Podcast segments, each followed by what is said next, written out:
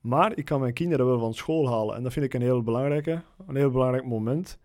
En door 's morgens te trainen, hoef ik in de namiddag, als ik geen tijd meer heb, niet meer te gaan lopen. En ben ik er voor mijn kinderen en, en, het huishouden en wat er allemaal wat er rond speelt.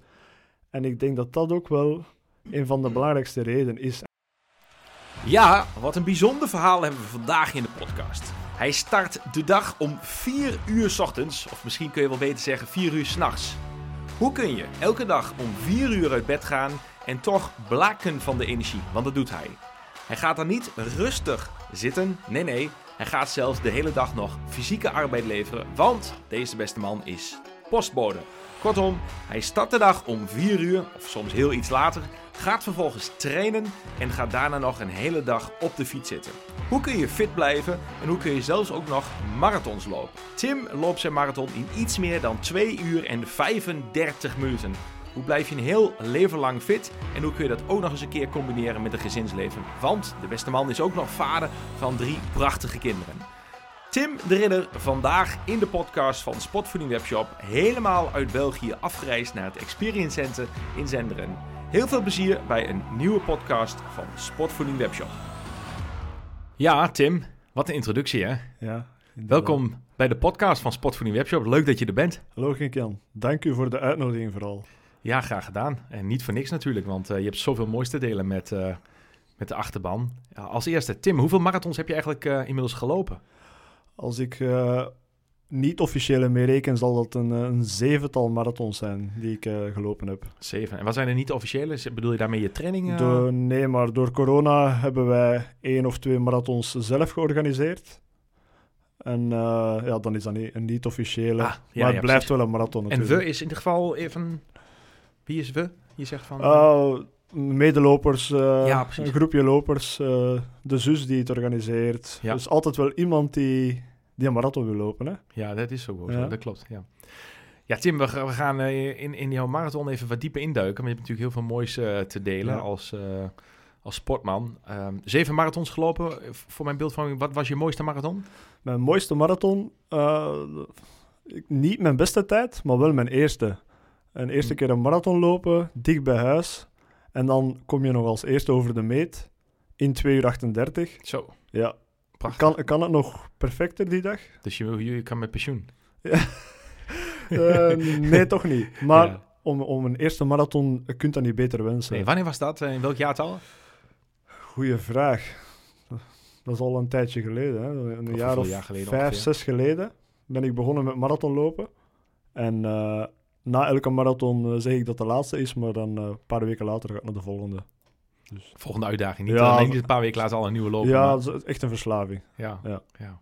Nou ja, dat geldt voor vele hardlopers natuurlijk. Die verslaafd zijn aan de marathon. Die één keer een marathon lopen en denken, ah, ik stop ermee. En dan toch denken, ik ga nog een keer. Ja. Mooi. Uh, 2,38 op je debuut op de marathon. En dat terwijl je eigenlijk nog niet zo heel erg lang liep. Klopt of niet? Nee. Want je loopt nog niet echt van jongs af aan, van kinds af aan heel... Uh... Ik loop nog maar een twaalftal jaar en ik ben 38, dus ja. ik ben vrij laat begonnen. Maar ik vind dat niet erg. Uh, ik heb niet de pure snelheid van een, van een jong veulen, maar uh, ik heb veel karakter, veel passie. En ik doe het zo graag dat je wel een keer durft door de muur gaan, harder gaan trainen.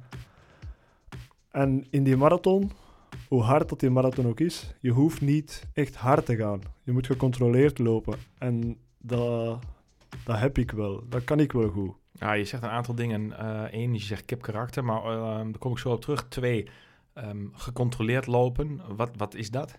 Gecontroleerd lopen, en vooral in de marathon, is dat je een tempo loopt dat je zeker tot 30 kan blijven lopen zonder enige problemen, zonder verzuring. En de, ja, daar moet op getraind worden. Dat tempo, dat moet gezocht worden. Daar wordt uren op getraind. En als je dat kan lopen tot 30 en dan kan versnellen, dat is geweldig. En even voor de luisteraar, als je 2, 2 uur 38 minuten loopt op de marathon, hoeveel minuten per kilometer loop je dan? Dan gaan we over een uh, tijd tussen 3,40 en 3,45. Ja, ja. Daar moet ik tussen blijven. En als je dat uitdrukt voor de mensen die niet aan marathon lopen doen, hoeveel snelheid is dat? Tegen de 16 per uur. Ja, 16 ja. km per uur. Dat is een uh, immense snelheid. En dat is een, een snelheid die ik die ik nu persoonlijk heel vlot kan lopen, lang. Ja, kun je makkelijk volhouden op een lange, lange tijd. Inderdaad. Nou, is niet voor niks, uh, dat is niet vanzelf gekomen. Nee. Dat vraagt veel uh, inzet. Ja. Um, we maken even een, een, een, sprongetje van, van jouw eindmarathontijd van 2.38 in het debuut. Um, je hebt zeven marathons gelopen. Um, wat was je snelste tijd? Mijn snelste tijd is 2.36.50.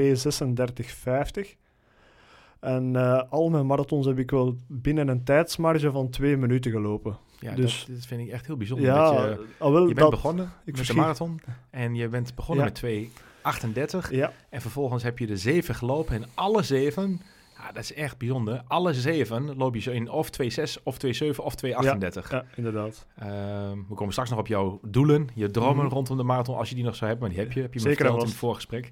En we kennen elkaar al, uh, al een tijdje langer. Uh, maar daar komen we zo daar nog op. Hoe, hoe, hoe, hoe verklaar je dat jij uh, die marathons allemaal in 2, 6, 7 of 38 hebt gelopen? Want je bent niet een extreme uitschieter naar boven en ook niet naar beneden. Ja, die gaat nog komen onder die 236 uh, ruim. Um, Wat maar, is open? Ja, dat gaat gebeuren. Ja. Maar hoe, hoe verklaar je dat jij die tijden loopt zoals je... Eigenlijk altijd hetzelfde, dus ja, dat is bijzonder. Dat is een hele goede vraag ik heb er al heel veel over nagedacht. En ik kan daar niet echt een, een echt antwoord op geven. Is dat omdat ik wat later begonnen ben, dat ik daardoor... Ik kan er echt geen antwoord op geven. Heeft het wellicht te maken met jouw uh, gecontroleerdheid, wat je zojuist zag? Dat je zei van ik moet echt tot 30 kilometer goed, makkelijk lopen, dat ik het goed kan volhouden. En daarna kan ik altijd, als ik nog iets over heb, uh, iets extra's geven. Wellicht, ja, want wellicht... Ik, ik, durf te zeggen, ik heb mijn bepaalde marathons op een andere manier al voorbereid. Met weinig kilometers, met veel kilometers, met veel snelle, met veel trage. En elke keer kom ik tussen die twee, in die twee minuten grens. Hm. Dus er is niet echt een manier dat ik, dat ik al gevonden heb om nog sneller te gaan. En daar ben ik nu naar op zoek. En dat is weer een mooie uitdaging. Ja, want je hebt ook een, een professionele trainer in de hand genomen om nog echt uh, onder dat doel te komen. Nou, als we het toch over hebben, wat is je gedroomde doel, hè, Tim? Ik zou heel graag onder die 2 uur 35. Dan is mijn marathon uh, carrière zeker geslaagd. Mooi. Ja. ja. En je hebt daarvoor een professionele trainer in de arm genomen. Wat is zijn of haar naam? Willem van Schuurbeek. Een ex-Olympier. En, en, het voordeel van een persoonlijke trainer, uh, het, de schema's, de vaste trainingen, de persoonlijke aanpak vooral. Ik hou van persoonlijke aanpak. Dat vind ik wel heel belangrijk. En hij heeft ervaring zat. Ik kun je iets vertellen over, uh, je zei al van, ik heb heel veel verschillende trainingen gedaan. Um, kun je er iets over vertellen hoe jij... Uh, uh, ja, ik heb, ik heb veel gewerkt met 30-plus trainingen. 30 plus in de vorm van 30 plus kilometer ja, afstand. kilometers. En dan hebben we gekeken naar tijd. Toch uh, twee uur lopen, dat dat beter zou zijn. Mhm. Dan heb ik eens heel weinig kilometers gedaan, maar veel op snelheid. En wat is weinig voor de luisteraars? Uh, onder de 100 kilometer is, voelt voor mij weinig aan. Per week? Ja, per week, ja. Mm uh, maar ja, gelijk dat ik zei, elke keer kwam ik op hetzelfde tijdslimiet ongeveer terecht. En als je veel traint, dus zal dan boven de 100 zijn. Wat is, waar moet ik dan ik ongeveer aan denken? Ik heb een periode gehad dat ik zeker uh, rond de 150 zat. Juist. Ja, Tim, dan zou je bijna denken, als je 150 kilometer in de week maakt, of 100 min, en als het toch op dezelfde tijd komt, dan zou ik gewoon denken van, uh, ga, dan 100, ga dan minder kilometers maken.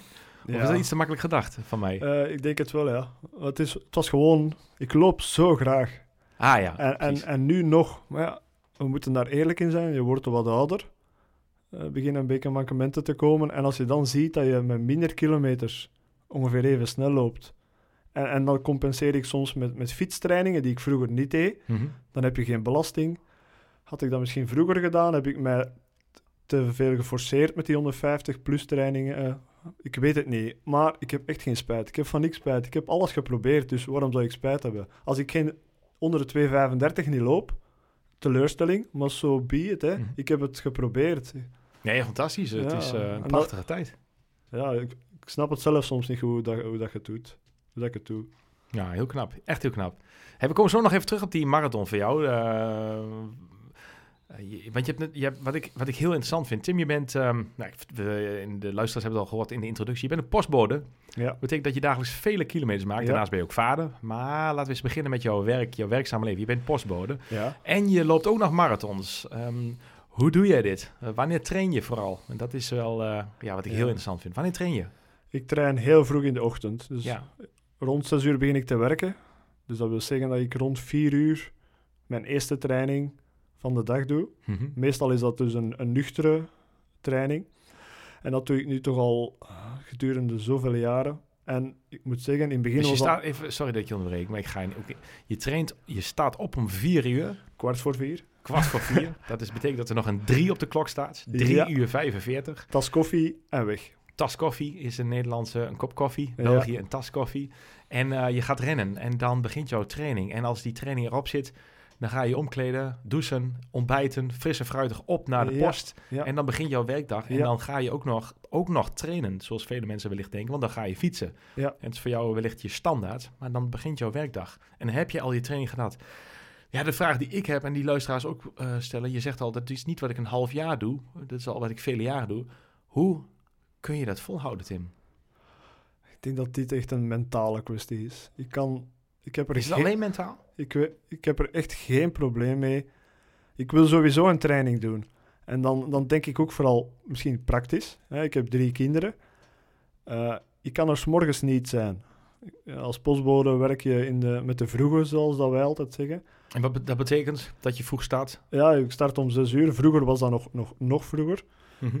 Maar ik kan mijn kinderen wel van school halen. En dat vind ik een heel, belangrijke, een heel belangrijk moment.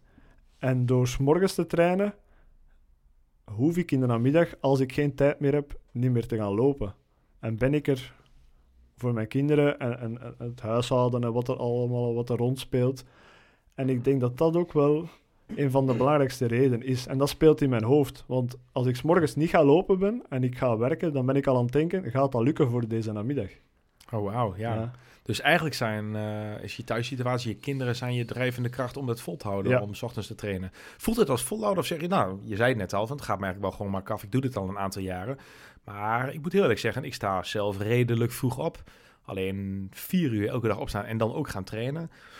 Um, nou, dat, dat lijkt mij wel echt een, uh, een big challenge voor mijzelf. Um, ben ik net als jij ook een sportman?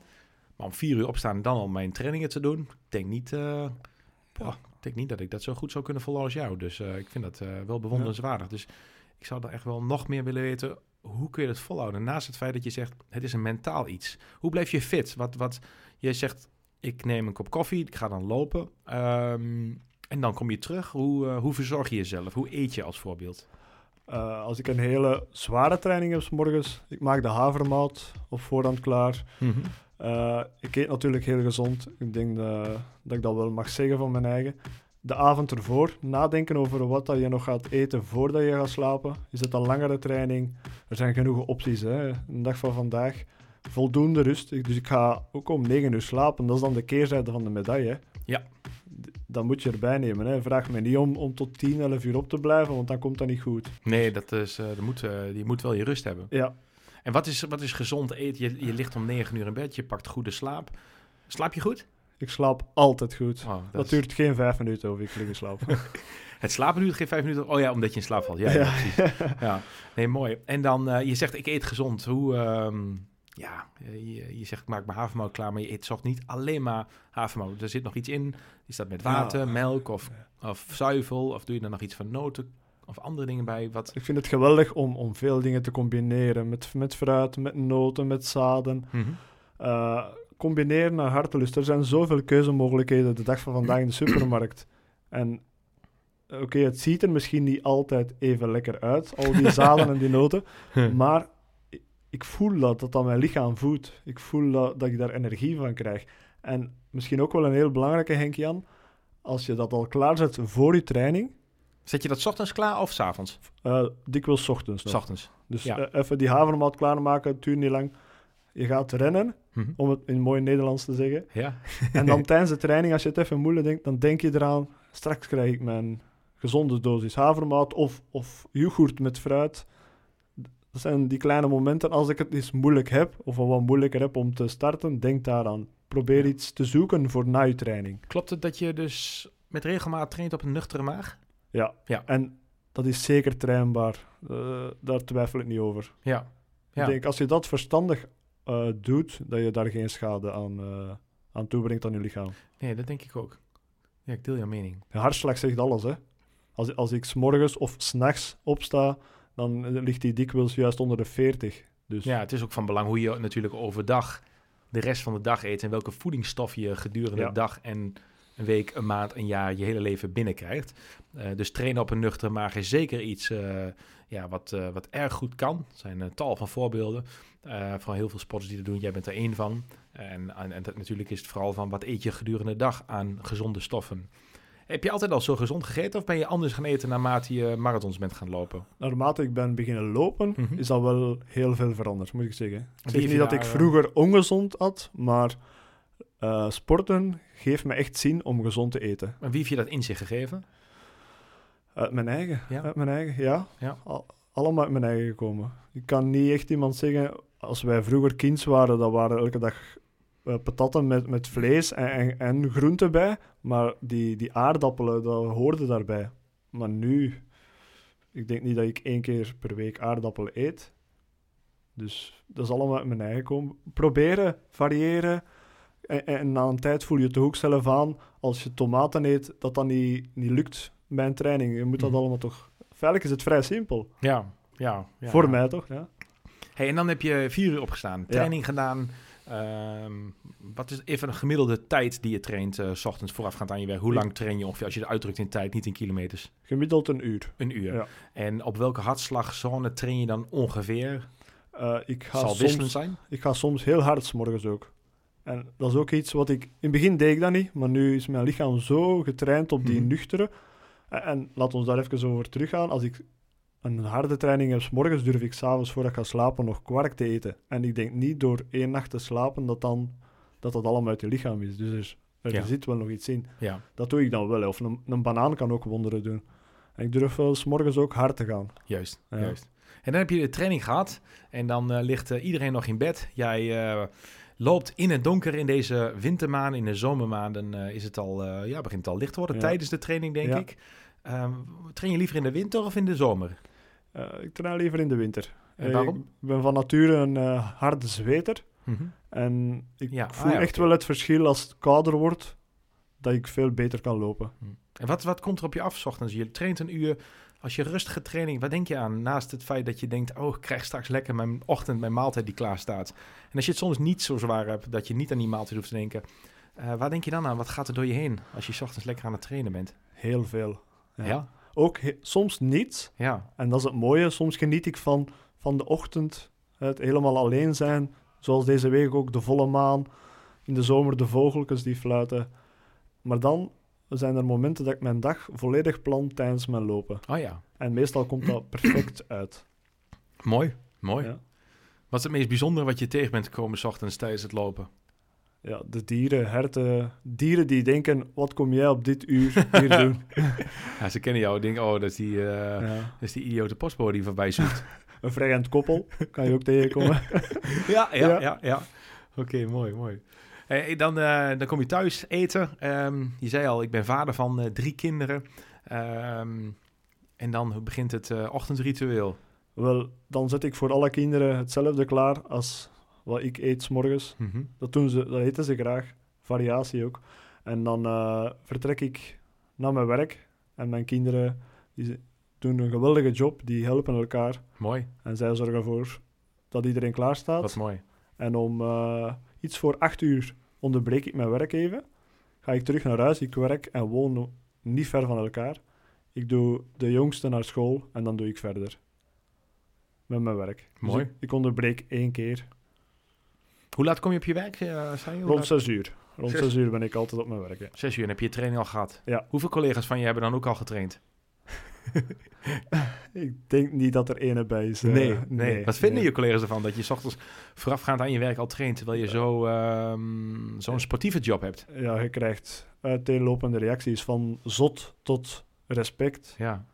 Tot, ja, echt wel ze staan daar veronderstelling. Alleen ze verschieten ervan hoe dat ik dat, zoals dat jij zegt, hoe dat je dat kan doen. Mhm. Want ik kom morgens tijdens het lopen ook soms collega's tegen die de kranten aan het doen zijn. Mhm. Dus die zien mij lopen. En die zeggen dan echt wel, op dat uur ben jij al aan het lopen. Maar dan reageer ik altijd, maar jij bent al aan het werken. Ja. Dus respect daarvoor ook, hè. Want zij beginnen om vier en half te werken. Dat is ook niet iedereen gegeven, hè. Zeker. Hoe kijk je er zelf nu naar als je de enige bent in je bedrijf die voorafgaat aan de, um, aan je werk al zo, uh, aan het, zo succesvol of zo, ja, zo intensief aan het trainen bent. Soms wat rustiger, maar soms ook heel intensief. Hoe kijk je daar nu na zoveel jaar zelf naar? Vind je het zelf ook heel bijzonder wat je doet? Het is vooral, het helpt mij, het, het lopen helpt mij om mijn werk gemakkelijk te doen. Mhm. En het werk helpt mij om mijn lopen gemakkelijk te doen. Ja, Omdat ik ben iemand die, die graag in beweging blijft. En als ik een ganse dag achter een computer zou zitten, ik, ik heb dat af en toe doe ik dat. En dan heb ik in de middag een training en echt, die is niks waard. Niks. Nee, omdat je... Maar nu kom ik thuis van een ganse dag fietsen of in beweging te zijn, laat het ons zo noemen. Uh, even een powernap. En als ik dan ga trainen, want dat wou ik er wel nog bij zeggen, als ik heel zware kwaliteitstraining heb, die doe ik wel in de middag. Die mhm. kan ik niet eens morgens doen. Nee, helder. Maar laat me niet een ganse dag alsjeblieft op een stoel zitten. Nee, Dan, uh, dan word ik zot. Je bent geboren om te bewegen, Tim. Geboren om te bewegen, ja. Mooi. Zeg, als er luisteraars zijn die dit verhaal tot nu toe horen in het eerste deel en die denken, goh, ik zou eigenlijk ook wel wat meer willen bewegen. Adviseer je dan de luisteraar om dit voorafgaand aan het werk te doen of na het werk? En zo ja, hoe zouden ze het kunnen aanpakken? Want er zijn veel mensen die wel meer willen bewegen. Er zijn heel veel mensen die een zittend beroep hebben. Ja, ja. En zij willen eigenlijk wel iets meer in beweging komen. Uh, met jouw ervaring, zou je dat juist de mensen adviseren om dat s ochtends voorafgaand aan het werk te doen? of smiddags bij thuiskomst? Ja, ik zou echt adviseren om dat s ochtends te doen. En, en hoe pakken ze dat aan? Als je een kleine tip mag geven, gewoon een hele kleine stap. Hè? Dus ik, mhm. ik geloof heel erg in dat succes uh, of stappen maken in verandering heel erg uh, gaat via hele kleine stapjes. Ja. Welke kleine stap kunnen mensen nou als eerste nemen om s ochtends voorafgaand aan het werk te trainen? Kijk, uh, het belangrijkste is ook het wordt dikwijls aangehaald vier uur. Maar je moet niet naar het uur kijken. Ik moet nu eenmaal om zes uur beginnen. Maar iemand die om acht uur begint, mhm. kan om zes uur opstaan of, een, of zijn eigen dag gewoon maken om om zes uur op te staan en te gaan lopen. Maar natuurlijk, zoals dat jij zegt, dat gaat niet van in het begin. Je moet daar stappen in zetten. Niet, niet direct een uur gaan lopen. probeer dat eens. Het kan zijn dat het je niet ligt, maar dan moet je je planning herzien. Het is een kwestie van plannen. Kijken hoe je gezinssituatie is wat uur kom je thuis? Ik merk bij veel mensen, en ik spreek ook met veel mensen zoals jij, dat s'avonds thuiskomen, die moeten eten maken, uh, het huishouden, en dan komt er een me van. Ze geraken hem uit de zetel. Mhm. dan, ja, dan kan ik alleen maar als advies geven, doe het s morgens. Als je echt s'avonds geen optie ziet, dan moet je het karakter maar tonen om het s morgens te doen. Ja, hartstikke mooi. Dus uh, jouw advies is om echt s ochtends te gaan doen. Nou, kan ik wel inkomen. Ik denk als je het s ochtends al gedaan hebt, die training, dan eh, heb je hem al mooi gehad en begin je echt uh, enthousiast en uh, energiek aan de dag. mijn tip zou ook zijn, ik sluit me helemaal aan bij wat jij zegt. Maak een hele kleine stap. Ga niet gelijk beginnen met een uur hardlopen. Je hoeft zelfs niet eens een uur te wandelen. Maar je kan ook bijvoorbeeld zeggen, start s ochtends door iets eerder op te staan. En ga 10 minuten wandelen. En ga bijvoorbeeld uh, van 10 minuten wandelen naar 15 minuten wandelen. En van 15 minuten wandelen naar bijvoorbeeld een half uur uitbouwen. En op het moment dat je dat bereikt hebt, dan zou mijn advies zijn: ga weer helemaal terug naar het begin, naar de tijd van 10 minuten. En ga bijvoorbeeld 10 minuten joggen. Om vervolgens dat 10 minuten joggen uit te bouwen naar 15 minuten, 20 of 30 minuten. En op het moment dat je dat uh, gedaan hebt, ja, dan bouw je heel langzaam aan die, uh, die trainingen voorafgaand aan je werk op. Um, ik moet eerlijk zeggen dat ik zelf niet zo heel vaak voorafgaand aan mijn werk sport. Uh, althans niet in de vroegte, wel voorafgaand aan het werk. Uh, ik ren soms ook wel eens naar mijn werk, maar zo vroeg, dat, uh, dat doe ik nog niet. Dus wel een, is voor mij iets om, om mee te nemen. Dank je wel daarvoor. Ja. ja, en dan, dan naar jouw werk. Um, je, we zitten even op die werkdag. Je komt eraan, zes uur kom je binnen. Um, je hebt mij al verteld in het voorgesprek, of de record zei je, ik neem veel veel tijd voor mensen. En um, ja, er is ook recentelijk een documentaire van jou opgenomen, vertelde je me. Dus je bent een bijzondere postbode. Ja. Wat, uh, wat maakt je zo bijzonder? Uh, wat maakt me zo bijzonder? Uh, ik ben nu 18 jaar postbode. 8 of 18? 18, 18. Yes, 18. En ik heb eerst 10 jaar overal gezeten, alle rondes gedaan. En ik, ik was ook iemand, ik ben nog altijd iemand die, die mensen aanspreekt, die bij mensen binnengaat. Als ik, als ik bij de beenhouwer brieven heb, ik steek die niet in de bus, ik ga dat binnen afgeven. Vijf minuten, goeiedag zeggen en nu, na die 18 jaar, heeft mij al veel opgebracht. Door met iedereen te praten, ik ken iedereen. Is dat dat wat mij zo speciaal maakt? Blijkbaar. Ik ga dat natuurlijk van mijn eigen niet zeggen, maar ik hoor het inderdaad veel terugkomen. Mensen die me echt appreciëren. En ik, ik kom ook zoveel mensen tegen die van vroeger die zeggen: Oh ja, jij was vroeger mijn postbode geweldig dit en geweldig dat. Ja, niks komt niet voor niks. Hè. Je moet soms eens dingen doen zonder iets terug te verwachten. Doe dat gewoon. Kun je een voorbeeld geven wat je doet voor de mensen in jouw ronde, waarvan wat je doet, maar waar je niks van terug verwacht? Ik heb uh, oudere mensen op mijn ronde die, die moeilijk buiten kunnen. Als mhm. die mij morgen bellen, ja, ik heb een brood nodig, dan ga ik een brood halen. En ik denk daar niet bij na van, ik moet iets terug hebben. En zit je dan wel eens in een, um, in een spanningsveld tussen enerzijds het moeilijk vinden om nee te zeggen? Ja, heb ik wel moeten leren van soms is nee te zeggen. Of uh, laat ons zeggen, thuiskomen en dan de grens bewaren dat thuiskomen echt gedaan is met werken. Ja, dat was moeilijk in het begin. Hoe doe je dat? Uh, ik was vroeger postbode in mijn eigen straat. En ah, dat, ja. dat lijkt leuk, maar in feite is dat een vergiftig geschenk. Omdat je dan nooit een pauze kan zetten. Je, je werk neem je mee naar huis. Je komt buiten, mensen spreken nu daarover aan. Dat is mm. niet helemaal zo. Ja. Daarom ook, als ik in verlof ben, zal je me nooit in de eigen gemeente zien. Omdat je, wordt er sowieso op aangesproken. Mm Ja. Wat is het, um, wat is de leukste ervaring van afgelopen week? De leukste ervaring van afgelopen week? Van je postbode zijn. Uh, Schiet er iets te binnen? Even denken. Ja, er was een, uh, een, uh, iemand die ging verhuizen. En die ging naar een andere straat in Merchten. Maar ik, was zijn, ik ben zijn postbode dan niet meer. En uh, ja, moest me dat zeggen. Hè. En dat was daar echt van aangedaan. Dus hij vond het echt erg dat hij ging verhuizen en dat ik zijn postbode niet meer was. Maar ja, Allee, ik, dat, ik vond dat zo geweldig dat hij daarvan aan... Ja, ik ga geen betere postbode meer vinden. Ja, dat is niet waar, hè. Er zijn er nog goeie, hè. Mhm. Maar dat, dat doet wel iets met je, hè. Allee. Ja, ja, ze zeggen, ik, ik, ja dat, dat, is, dat is een mooi compliment, toch? Ja. En uh, je zei al van dat je heel veel vertrouwen uh, krijgt uh, van de mensen. Dat is, ik vroeg jou in het voorgesprek van, goh, als ik de mensen in jouw ronde vraag wat ze over jou zeggen, dan is dat waarschijnlijk dat ze je veel vertrouwen en dat ze veel vertrouwen in jou hebben. Ja. Um, kun je een voorbeeld geven van waar mensen jou in vertrouwen? Of waar het blijkt? Omdat ze mij soms verhalen vertellen die echt wel in, allez, intiem zijn, heel privé gericht. Mhm. En die vertellen ze aan mij. Maar ik ben, eh, ben, niet iemand dat dat gaat verder vertellen. Ik hou dat voor mij. Ik kan een boek schrijven over, over alles wat ik weet van de mensen. En ik denk dat, in dat, dat ze dat wel appreciëren in mij. Nou, dat is een mooi idee. Ik heb ook een boek geschreven. Dus, uh... ja, voilà, kijk. Uh, en um, ook een mooi voorbeeld is dikwijls dat mensen praten over hun buurman. Uh, ik heb dat gezien van mijn buurman, ik heb dat gezien. Ik ga daar niet op in. Ik, pas op, ze mogen mij dat vertellen. Mm -hmm. En ja. ik, ste ik, steek dat weg. Vertrouwen. Ja, maar blijft bij jou. Ik ga niet een dag nadien bij de buurman gaan bellen en zeggen: Kijk, die heeft dat gezegd over u, of die heeft dat gezegd. Dat, dat komt altijd te tegen u. Dat weerkaatst tegen u. Zitten er overeenkomsten in tussen hoe jij werkt als postbode en hoe jij bent als sportman? Ja, want, en dat is goed dat je daarop uh, op inspringt, als uh, loper ook, als sporter. Weet wat we misschien nog het leukste vindt, is hazen voor de dames op een marathon. Mhm. Omdat je van zoveel terugkrijgt aan de mensen die je helpt om een tempo te lopen, wat dat voor u heel gemakkelijk is, maar voor hun de limiet is. En dat is het mooiste wat er is als je zo iemand kan helpen, de appreciatie die je krijgt. En ook naar mijn werk toe, appreciatie van de mensen als je iets gedaan hebt. Ja, dat is gewoon het, leukste wat er is. Ja. Zit ook wel eens tegen als postbode? Ja, tegen zitten. Als het slecht weer is en ze zeggen dat, dan zeg ik dat morgen beter zal zijn. Hè. Mm -hmm. ja. Blijven positief. Blijven positief. Dat is een kracht van je, toch? Ja, ik denk het wel, ja. Ja, mooi. Wie heeft, uh, want wie heeft jou zo gemaakt tot wie je nu bent? Uh, mijn ouders zijn altijd heel streng geweest, vooral mijn vader. En dan in positieve zin.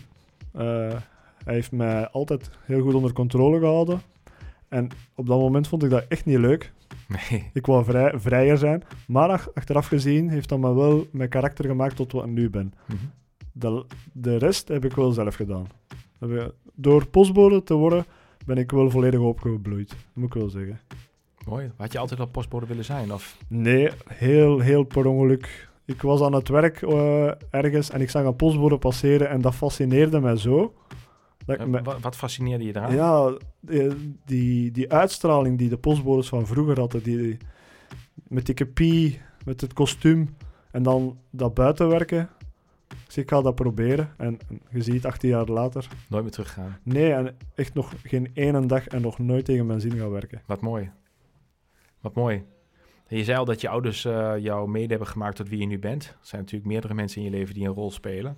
Je bent zelf vader nu, maar wie zijn voor jou tot nu toe de belangrijkste personen in je leven? De belangrijkste personen zijn mijn drie kinderen, ja? uh, zonder twijfel. De, daar moet ik zelfs niet over nadenken. Nee, nee je gaat ook heel snel antwoorden, dat is mooi. Uh, ja. Klaar, punt. Ja, dat is uh, de bloedband zeker, hè? Ja, mooi toch? Ik zie heel veel mensen graag, maar voor mijn drie kinderen laat ik alles vallen. Nou, mooi.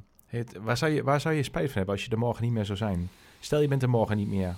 Waar zou je spijt van hebben? Oeh, dat is een moeilijke. Je mag even nadenken. Ja. Draai ik even een liedje.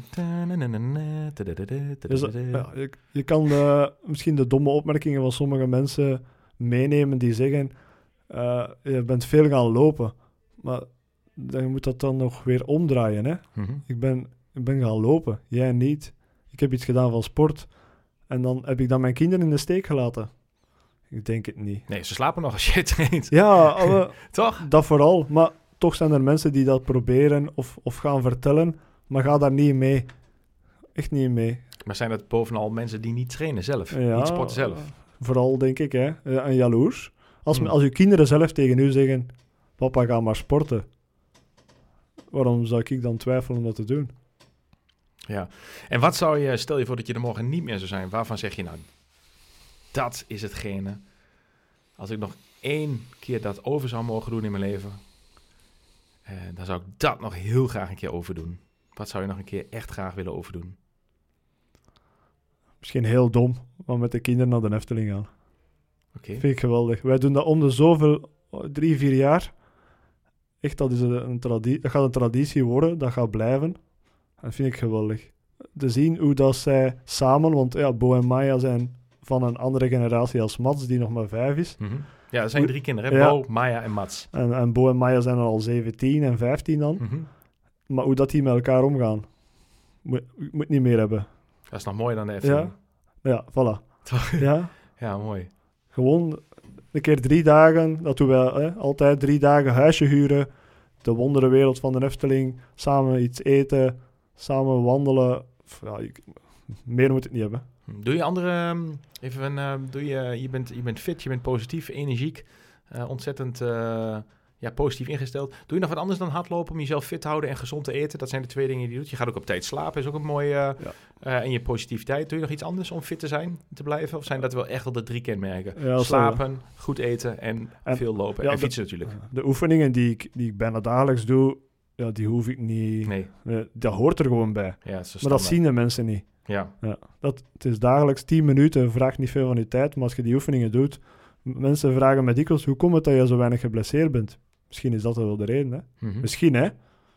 Kan, hè? Ik ben daar niet 100% zeker van, maar je moet je eigen, als je zo'n dingen doet, eh, oefeningen bij doet, kun je eigen niet, niet teleurstellen, hè? Je hebt het gedaan. Als je het niet doet, ja, dan kan je spijt hebben. Ja. Je bent zelf, uh, als mensen praten over gezondheid of sporten of hardlopen of bewegen, heeft iedereen naar zijn eigen beeld bij, zijn eigen plaat bij. Ja. Uh, je krijgt allemaal uh, je eigen invulling. Hoe kijk jij aan tegen de gezondheid van de huidige maatschappij? Ik vind vooral dat mensen veel excuses zoeken. Als ik echt daar eerlijk in mag zijn. Ik eet ook soms ongezond. Ik drink soms ook wel eens bier. Maar waarom moet dat dan altijd extreem zijn? Wat is extreem en wat is soms? Jij zegt als ik, als ik één, één, één biertje gedronken heb, kan ik daarvan heel neig genieten. Mhm. Maar als je er vijf of zes of tien drinkt, dan geniet je daar toch niet meer van. Dan, dan is het, wordt het een gewoonte. Maar mensen zoeken excuses. Uh, ja, maar frieten eten is toch zo erg niet. Ja, dat is wel... Allee, je moet daar zelf een beetje een mix in vinden. Hè. Tuurlijk is dat niet erg. Maar als je niet gaat sporten en je eet wel frieten, dan is dat misschien wel erg. Ja, wat is, wat, is, um, wat is jouw norm als je zegt van ik drink wel eens iets wat ongezond is, of ik drink wel eens een biertje of neem wel eens wat friet. Wat is jouw norm? Is je de, hoe kun je daar iets over vertellen? Want wat de een veel vindt, vindt de ander weinig. En wat de een veel vindt, vindt de ander extreem veel. Wat is, wat is jouw norm rondom het eten van friet, het, rondom het eten van, uh, of het drinken van een biertje? Als ik, als ik twee biertjes gedronken heb, dan vind ik al dat ik te ongezond geweest ben. Ja, en, en, en welke hoeveelheid zou jij uh, friet eten? Doe je het één keer per week, per maand, per dag? Als we het over frieten hebben, dat eet ik zelfs niet. Maar als het iets ongezond, als ik nu bijvoorbeeld een zak chips open doe, ik, ik zal die nooit volledig leeg eten. Oh, dat is wel knap. De meeste mensen als ze een zak chips open... ik zeg altijd wel, als je, als je iets ja. los gaat, ga je eraan. Met ik vind het zelfs, weet je wat ik soms doe, uh, een, een, flesje cola. Mhm. Doe ik open, zet ik in de frigo. En dan kan, daar soms, ja. dan kan daar soms een, een ganse week staan. En dan heb ik een heel zware training gehad. En dan drink ik die cola uit. En dan geniet ik daarvan. Omdat het heeft een ganse week in mijn gezicht gestaan. In het zichtveld. En dan op die moment kan ik ervan genieten. Dus eigenlijk ben je heel bewust. Ja, toch wel redelijk bewust. Nou ja, ik zal wel zeggen, niet redelijk, maar behoorlijk uh, bewust. Nog, ik zou het nog wel wat intenser willen zien. Want ik zie het natuurlijk, ik ben natuurlijk dagelijks bezig met uh, voeding, mhm. gezondheid en een positieve bijdrage leveren aan een gezonde generatie. Uh, dus jij bent daar dan boven gemiddeld bewust mee bezig. Um, hoe komt het dat je zo daarmee bezig bent? Wat, hoe, ja, hoe, hoe, uh, hoe komt dat? Ik vind het leuk om mijn eigen uh, te triggeren. Dus uh, zoals ik zei, iets in de frigo zetten of iets in de kast dat ongezond is, tussen mm. haakjes. Ja. En dan dat zo lang mogelijk laten staan. En waarom doe je? Ja, wat, ja ik vind, ik vind het gewoon omdat ik er dan achteraf meer geniet van heb. Maar is dat iets wat je misschien van je, je, je noemde net al in de podcast, dat je een vrij um, strenge opvoeding. strenge opvoeding hebt gehad van onder andere je vader. Is dat iets wat je mee, is, komt het daar vandaan wellicht? dat zou een deel ermee te maken kunnen hebben, ja. Want ik vind het ook leuk naar mijn, naar mijn kinderen toe, qua opvoeding ik trigger hun ook. Ze, ze weten het soms niet. Ik laat hun ook soms dingen doen, of ik zet dingen opzij, of eh, zonder dat ze het weten, en dan zie ik hoe dat ze reageren. En dat vind ik geweldig. Dat is mijn manier van opvoeden. Het moet mhm. niet altijd strikt en rechtlijnig zijn, maar af en toe, ja, hoe moet, hoe moet ik dat gaan uitleggen? Het is heel persoonlijk, hè. Maar je moet je kinderen ook belonen. Als, je mag het ook zeggen als het goed is. En ik zie veel ouders alleen maar zeggen als het niet goed is. En hoe geef jij een compliment? Uh, met veel enthousiasme. Zeker als iemand iets doet zonder dat je het vraagt. Als u, uw dochter of uw zoon de tafel afruimt zonder dat je het vraagt, doe daar maar een ozel over. Er is niks verkeerd mee. Mhm. Je ziet veel, vooral mensen die hun kinderen niet zoveel complimenteren. Ja, die vergeten dat sommige dingen zijn maar normaal maar vergeet niet dat het nog altijd kinderen blijven. Ja. Dus ja. moedigen aan. Dat is een van mijn onderwerpen, hè? mijn eigen masterclass rondom de beste verliezer. Uh, waarbij ik de mensen support uh, om gezonder te gaan leven. En daar is een van de slides heet Normaal is niet gezond. En wat ik daarmee bedoel is dat heel veel mensen een bepaalde norm hebben van eten. Ja, dat verreweg nog uh, gezond is. Ja. Nou ja, goed, het gaat nu te ver om daarop in te gaan. Maar ja, er zijn natuurlijk heel veel mensen die op een bepaalde manier eten dat ze zichzelf dat ze zelf beschouwen als een heel normaal voedingspatroon. Maar dat natuurlijk helemaal niks meer te maken heeft met uh, gezond. Dat is ook de reden dat veel mensen onnodig ziek worden. Dus niet ziek worden, maar onnodig ziek worden. Maar je kan, uh, ik kan één, sorry dat ik je onderbreek, nee, één mooi voorbeeld geven. Ik was onlangs met uh, Mats naar de cinema geweest. Ja, en in de cinema, bioscoop, ja. Mm Daar wordt heel veel chips en ongezonde dingen gegeten. Mats heeft ook een ijsje gekregen. Is wel met de fiets naar daar gegaan. En naast ons zat een gezin van twee kinderen. Hebben heel veel chips gegeten, heel veel cola gedronken. Maar als de film gedaan was en het licht ging aan, dan lag de vloer, de gang vol met etensresten. En het ergste van al vind ik dat die ouders daar zelfs niks op zeggen. En dan, daar kan ik kwaad voor worden. Ja. Ja. Daar, wat, wat, verwacht je dan nog van die kinderen? Mhm. Dan gaan ze dat ook niet doen, hè, later. Ja, dat is... Uh, ja, daar word je stil van. Dat is wel heel hard, maar dat is wel de realiteit. Mhm. Ja, discipline. Ja. Waar is die? Waar is die, inderdaad? Tim, um, ja, voor de luisteraars die niet, niet weten hoe wij elkaar kennen. Uh, wij zij hebben elkaar leren kennen via Sportvoeding Webshop, waar jij klant werd. Uh, wij kregen contact met elkaar, dat we monden uit tot een heel erg leuk contact. Zo leuk dat we in april van 2022, het jaartal waarin we ook deze podcast opnemen, um, allebei de marathon van Enschede hebben gelopen. Bij jou was dat zeer gepland. Bij mij was het omgekend extreem ongepland, waarover later meer. Uh, die marathon uh, is niet helemaal uh, gelopen zoals je had willen lopen. die is wel, ja, heb je wel een mooie tijd gelopen van 2... 2,37. 37, ja. maar je had heel graag die 2,35 ja. grensbarrière willen doorbreken. Um, nou had je in jouw tempo, jouw snelheid ook gewoon echt, echt een paar dingen heel erg tegen. Eén, Er was bijna niemand om je heen die op dat tempo liep. En je liep dus niet in een groep. het is in een fijne groep, dus dat uh, zat. Uh, en twee, ehm, het was ook een hele warme editie, weet ik nog. Veel wind. Ehm, heel veel wind. En met name dat laatste stuk, voor de mensen die ooit wel eens de Enschede Marathon hebben gelopen, het hele lange stuk op het fietspad. Ja. Waarbij we allebei wind tegen hadden naar de finish. ja, goed.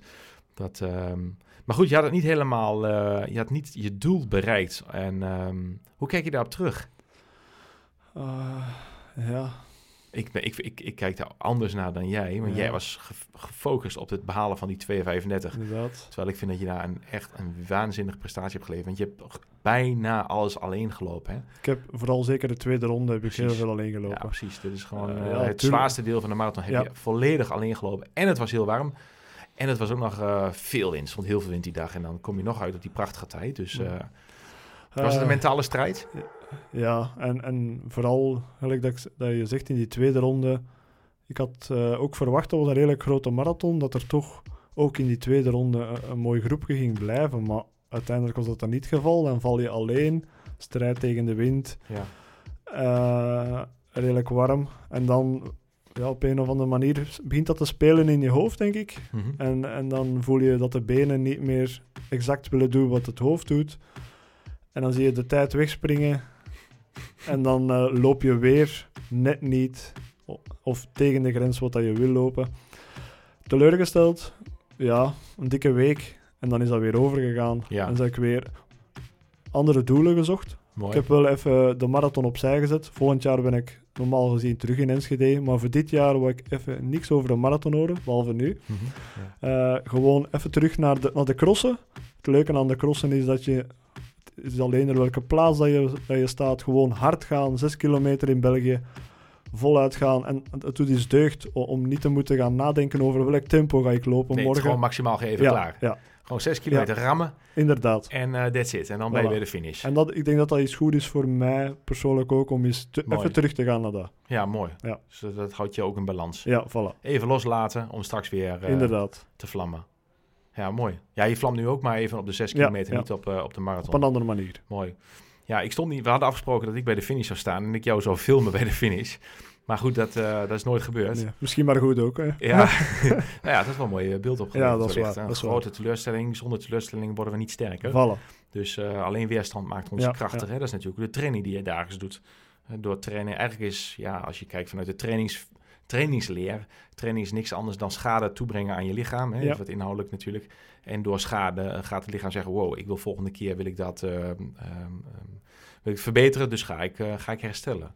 Dus die schade die je aan je lichaam aanbrengt, wordt uiteindelijk um, gerepareerd en daardoor word je de volgende keer sterker. Ja. En zeker als je de goede training op elkaar aansluit, slim trainen, zoals Gert-Jan Wassing dat uh, vertelde in, in de vorige podcast alweer. Het gaat over slimme trainen, uh, word je steeds uh, sterker.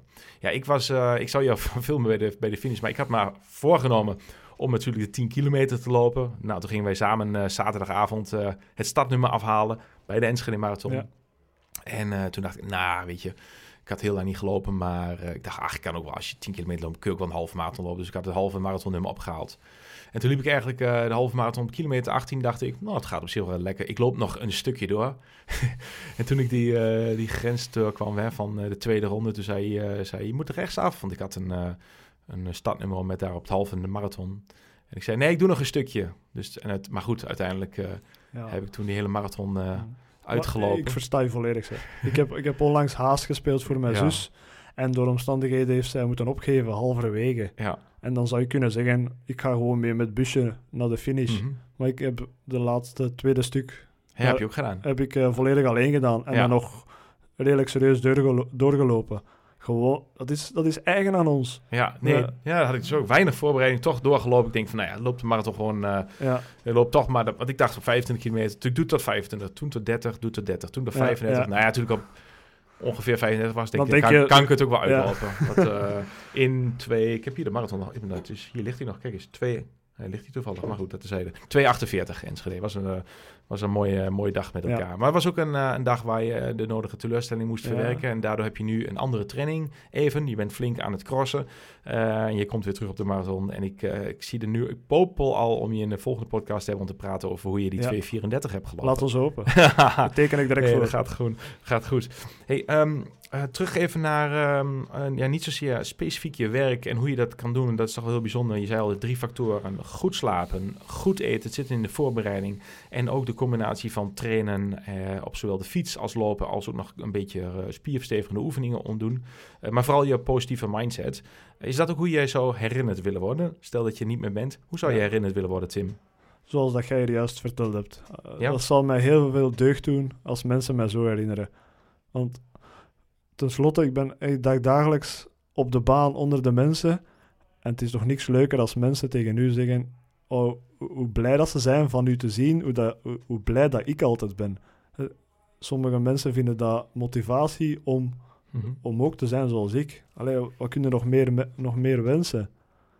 En dat is onbewust, hè. Ik doe gewoon wat ik graag doe. Ja, maar wat voor jou gewoon is, is voor de ander zo, ja, zo Maar als je mensen kan inspireren zoals dat jij mensen inspireert, dat geeft toch de meeste voldoening. Daarvoor doen we het ook. Hè? Als jij, jij bent zo positief, um, want nu gaat het lekker over jou.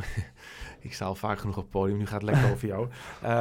Um, wat, wat, welke tip als mensen denken van, ik zou zelf iets positiever willen worden. Wat voor jou zo gemakkelijk afgaat, Tim? Kun je eens één hele of twee hele korte tips geven als mensen dit luisteren? Ik wil iets positiever worden. Welke simpele tip die mensen kunnen toepassen, waar ze vandaag al mee kunnen beginnen, zouden ze kunnen doen? Uh, moet ik toch wel even over nadenken. Hè? Mm -hmm. Dan ga ik weer voor, Wat dat voor mij heel... heel zoals gezegd, wat dat voor mij heel eenvoudig lijkt, is voor anderen heel moeilijk. Uh, ja, dat zijn kleine dingen. Uh, blij zijn dat, dat je gezond bent. Zoek, zoek positieve dingen. Hoe zoek je positieve dingen? Ja, hoe doe jij dat?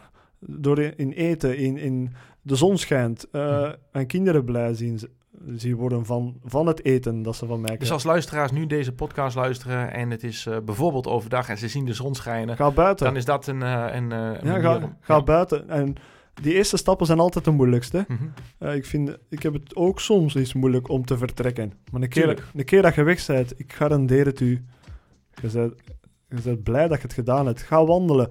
Tijdens het wandelen, tijdens het lopen met, met iemand, je begint te babbelen en, en meestal zijn dat ook mensen die sporten en gaat het automatisch over positieve dingen, denk ik toch. Mhm. Ik denk niet dat wij, de groep lopers waar ik in loop, dat wij zagen of zeuren tijdens de training. Nee, wij, wij lachen, wij zeveren. Ja. Wat is zeveren? Zeveren is uh, grappige dingen zeggen oh, ja, over dingen die gebeuren. Of, mhm. of mensen, als je artikels in de krant ziet over, over problemen, dan lachen wij. Proberen dat positief te benaderen, te mhm. overlachen. Ja, het is niet dingen weglachen. Hè? nee, nee, zeggen, nee, oh, nee. dingen weglachen. Maar het, is, het heeft volgens mij niks te maken met weglachen, maar ja. vooral dingen positief benaderen. Ja, of als er zo een of ander nieuw dieet uh, op de markt komt en dan staat dat in de krant, dan zeggen we, ja, hallo, wat dat wij doen is toch veel gemakkelijker. Ja, dat is gewoon een levensstijl. Ja, ja. Ja, is het ook niet zo, tenminste dat is mijn persoonlijke geloof, uh, Tim, ik weet niet hoe jij, daarover na, hoe jij daar tegenaan kijkt, dat als je en beweegt, en goed eet, en goed slaapt, en positief bent, die vier elementen, ja, dat je dan per definitie, uh, en niet te vergeten, jij doet de dingen die je leuk vindt, jij bent postbode, ik doe mijn ding, dat als je die vijf dingen doet, ja, dan moet het al bijna goed gaan, ja, voilà. Dan kan het toch niet fout gaan. Nee, soms kan het heel simpel zijn, maar de moeilijkheid zit hem soms in de simpele dingen. Ja, voilà. Maar als, als ik dan mensen zie die het moeilijk hebben, dan besef ik het nog eens harder hoe ik het, ik het wel heb. Ik heb, mhm. ik heb ook al mijn problemen gehad. Tuurlijk, allemaal. Maar, maar toch probeer ik dat om te draaien naar, naar iets positiefs. Hoe moeilijk dat ook is, het lukt mij steeds. Mhm. ja, en, dat is iets van door de jaren door. En, en dan moeten mensen ook begrijpen dat niet iets zomaar vandaag, van vandaag op morgen komt. Je kan dat ook niet verwachten. Niks, in, niks wat je doet. Maar die kleine dingen wat je zei. Dus kijk naar de zon en geniet ervan. Geef een compliment, geniet ervan. Geef iets positiefs naar je kinderen, geniet ervan. Start een hele kleine training, hoe klein die ook is, en geniet daarvan. En als je dat blijft doen, dan mhm. komt het automatisch. En schrijf je dat op briefjes of print je het in je hoofd? Of hoe doe je dat? Uh, dat het, mijn uh, kinderen zijn... want je eh, wil het niet vergeten. Mijn kinderen zijn bijvoorbeeld een week bij mij, een week bij de mama. Mhm. En de laatste dag dat ze bij mij zijn, leg ik een briefje op tafel. Bedankt.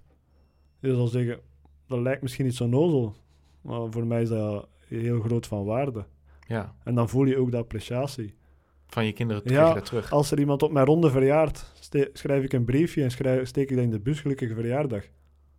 Toch een kleine moeite. Ja. Ja, zijn die kleine dingen. En dan volgende dag kom je die persoon tegen en dan begint hij al te lachen op voorhand. En dan weet je, hij heeft het gelezen. Ja, en je bent weer positief. Dat, dat wil ik naar de mensen toe wel, als ze positief... Mooi, Die kleine dingen. En dan komt dat vanzelf. De rest komt vanzelf. Ja, ja heel mooi. Ja, echt heel mooi. Mooi. Ja, dat, uh, dat vind ik spannend. Ik, begin al spontaan uh, blij te worden van, de, van erover na te denken. Ja, ik zie het aan je gezicht. Ja. En toch, want dat staat helemaal haaks op uh, hoe we begonnen. Vlak voordat ik op de recordknop drukte, zei je tegen mij... Jan, ik vind het spannend. Ja. Deze podcast. en nu stel ik jou die vraag. Ja. Wat vond je spannend? Uh, over, over mijn leven praten. Mm ik denk dat iedereen toch dat wel een beetje moeilijk vindt om over zijn eigen te praten. Maar de appreciatie en, en, vooral de vragen die jij stelt, geeft mij een, uh, een, gevoel van, van rust. En dat vind ik wel uh, een goeie. Dus ik ben nu ontspannen. Mooi, fijn. Nou, dat doet me goed. Leuk te horen. Ik weet dat toen ik je vroeg, zei van, ja, maar wat heb ik dan te stellen? En toen, ik hoop dat luisteraars um, dat ook gehoord hebben in het afgelopen kleine uur. Ik vind dat je bijzonder veel te hebt. Het is heel bijzonder inspirerend. Je bent postbode. Um, je brengt niet alleen pakketten rond, je maakt mensen ook blij. Um, je maakt mensen oprecht blij. Dat is iets wat in je zit. Je bent sportief. Je geeft een prachtig voorbeeld aan mensen. Je traint voorafgaand. Je bent, al, je bent sowieso iemand die vroeg begint aan de werkdag 6 uur. Um, dat betekent dat je voor de tijd ook nog gaat sporten. Dat is een heel inspirerend voorbeeld voor veel mensen. Dat hoeft echt niet op een manier zoals jij dat doet. Ja. Op het, ook niet op het niveau dat jij dat doet. Je bent een waanzinnige sportman. Maar wat je wel de mensen hebt meegegeven is ga voorafgaand aan je werksport. Dan heb je het gehad en dan ga je s'avonds niet in, op de bank zitten. Of op, de, op de sofa, hè, zetel zeg je. Um, je hebt daar tips over gegeven. Je hebt tips over gedeeld in deze podcast. Uh, over het eten, over het briefjes klaarleggen. Uh, over kleine dingen zien die over, overigens heel groot zijn. De zon en vele andere dingen. Um, ja, dat is, dat is wat ik in ieder geval heel erg inspirerend vind. En waarom ik je ook uh, heel graag heb uitgenodigd om in de podcast plaats te nemen. Naast het feit dat je uh, natuurlijk ook waanzinnige atleet bent en bovenal een bijzonder prettig mens, denk ik dat de luisteraar er heel veel uh, aan uh, ja, uit kan halen. Maar het is maar net hoe je ernaar luistert. En ik vond het heel erg fijn. We gaan richting de afsluiten alweer, ja. Tim. Ja, we zitten alweer op een, op een heel klein uur. We zijn er nog niet, maar we zitten nog een paar, paar bijzondere afsluitende dingen aan. Oei, Is er iets in deze podcast, Tim, waarop je aan het eind van deze podcast zou willen terugkomen? Of iets wat je wil corrigeren of waar je misschien juist wil toevoegen nog? Uh, toevoegen. Of iets wil corrigeren, of dat je iets wil terugkomen. Dat je nee. had ik iets anders kunnen zeggen. Ik denk, of misschien zeg ik, dit wil ik nog wel toevoegen. Ik denk dat ik uh, alles wat ik wou vertellen of wil dachten vertellen. En wat al belangrijk is, dat ik wil vertellen, uh, vertel heb. Mm -hmm. En wat, ik wil het nog eens nadrukken, dat positieve. Echt waar, je gaat er alleen maar blijer, gezonder en leukere momenten mee hebben denk niet altijd negatief. Het is al moeilijk genoeg. De dag van vandaag, er gebeuren zoveel dingen. En als je dan nog een keer thuis nog eens negatief bent of naar je omgeving, ja, dan, dan zie ik niet hoe, hoe, dat, hoe dat je dat moet doen. Hoe dat, dat goed komt. Heb je zelf een voorbeeld voor iemand waarvan je zegt, goh, dat is voor mij is dat een voorbeeld in het leven waar je uh, ja, iemand, uh... iemand... Ik ga je nu geen namen noemen, maar ik zie echt mensen die, ook collega's soms, dat ik denk, waarom altijd zo negatief? Uh, we hebben een, een goede job, we hebben werkzekerheid om, om nu... Nou, ik bedoel echt, sorry dat ik je onderbreek. Ja. Ik bedoel echt zeggen, is er, in, ik bedoel het in positieve, is er zelf iemand die in het positieve een inspiratie voor jou is? Ah, zo. Uh, ja, hij zit hier recht tegenover mij. zo bedoel ik het eigenlijk niet, maar dankjewel daarvoor voor het ja, compliment. Maar dat is, dat is toch, dat is ook wel zo, hè. Waarom denk anders zou ik niet naar hier komen? Ik vind, hier is thuiskomen voor mij. Hmm. Dat voelt echt als thuiskomen. En die kom je nu niet zoveel, hè. Nee, maar heel fijn, dankjewel. Naar hier rijden is al voor mij geweldig. Ik weet dat ik naar hier kan komen. Ja, ik kan daar niet aan doen. Het is gewoon... Uh, ja. mooi, dankjewel. Ja. Uh, Tim, de ene laatste vraag die ik aan jou heb. Ja. Uh, ehm, 200 bekendste plekken in de wereld, grote plekken, komen ja. duizenden, miljoenen, honderden miljoenen mensen langs. Deze plek wordt dus bijna door iedereen gezien in de wereld. En op die plek mag jij een billboard plaatsen met daarop een hele grote tekst of een korte tekst. Welke tekst zou je op het bord plaatsen, zodat iedereen, al die honderden miljoenen mensen dat lezen in de wereld? Daar had ik al over nagedacht. ik zal het eerst in het Engels zeggen. Don't wait for the perfect moment, but take the moment and make it perfect. Dus wacht niet Mooi. op het perfecte moment, maar neem het moment en maak het gewoon perfect. Mooi. Ik denk dat dat, dat is een, een zin die me heel dikwijls achtervolgt. En, en als ik het dan iets moeilijk heb, denk ik daar ook wel soms aan. Mooi. Dat is een hele belangrijke. Graag Hartstikke gedaan. mooi, dankjewel. Beste luisteraars, dit was de podcast met voor mij een, eh, een bijzondere vent. Hele leuke kerel, eh, die ook nog eens een keer knetter had kan rennen op de marathon. Pakketten rondbrengt als een bezetene, heel erg gepassioneerd in het leven staat en bovenal een heel positief persoon is. Ik hoop dat jij er een aantal hele mooie positieve dingen uit hebt gehaald. Ik twijfel daar niet aan, ik weet het zeker. Laat de zon schijnen en geniet daar vooral van. Zie de mooie dingen ervan en eh, laat het je inspireren om niet alleen een gezonde, sportieve, krachtige leven te hebben, maar ook eh, ja, uit jouw eh, persoonlijke mens zijn meer mooie dingen te halen. Bedankt Tim de Ridder. Wij hopen jou weer te horen in de volgende podcast. Daar zien we erg naar uit. Wil je ons helpen? Deel deze podcast op eh, de bekende kanalen. Of stuur hem door naar wie dan ook. Daarmee help je de podcast bekender te maken. En gaan we nog meer mensen eh, helpen om een eh, nog mooi leven te leiden.